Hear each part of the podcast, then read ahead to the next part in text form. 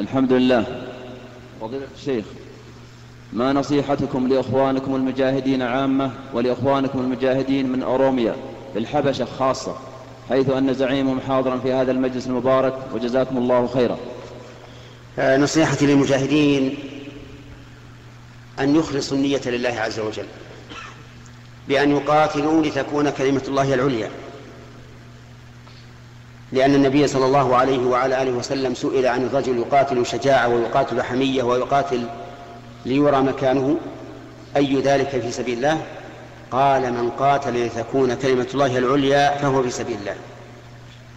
ثانيا أن لا يقاتلوا حتى يستعدوا ويكون لديهم من العدة ما يقابل عدة العدو أو يقال لقول الله تعالى وأعدوا لهم ما استطعتم من قوة.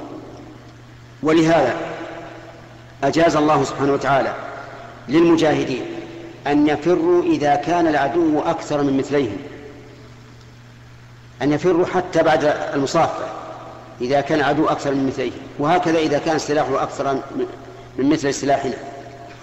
أما أن نذهب نقاتل عدوا بسلاح آه، لا يقابل ولا يداني سلاحه بدون أن يكون هناك أسباب يمكن أن نتقي بها فهذا لا شك أنه ليس بمشروع.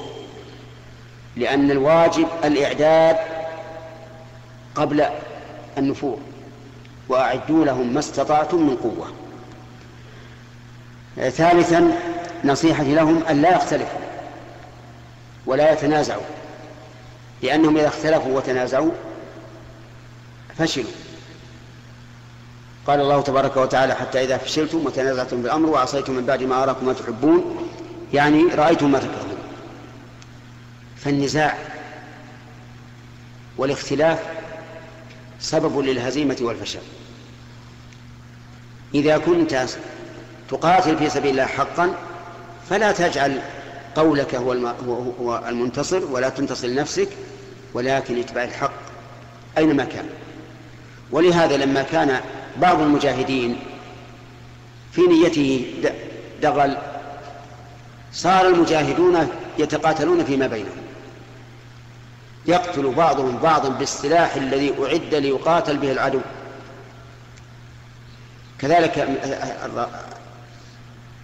الرابع أو الثالث الرابع أن يجعلوا لهم أمراء وعمداء. حتى لا يكون أمرهم فوضى. ويجب على المأمور أن يكون مطيعا لأميره في غير معصية الله. كما كان النبي صلى الله عليه وعلى آله وسلم إذا بعث جيشا أو سرية أمر عليهم من يوجههم ويأمرهم وينهاهم حتى لا يكون أمرهم فوضى.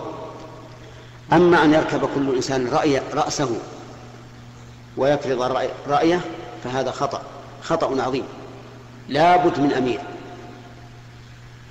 يتفق عليه أو أو يعينه من كان أميرا قبله أو ما أشبه ذلك من من وسائل نصب نصب الأمير.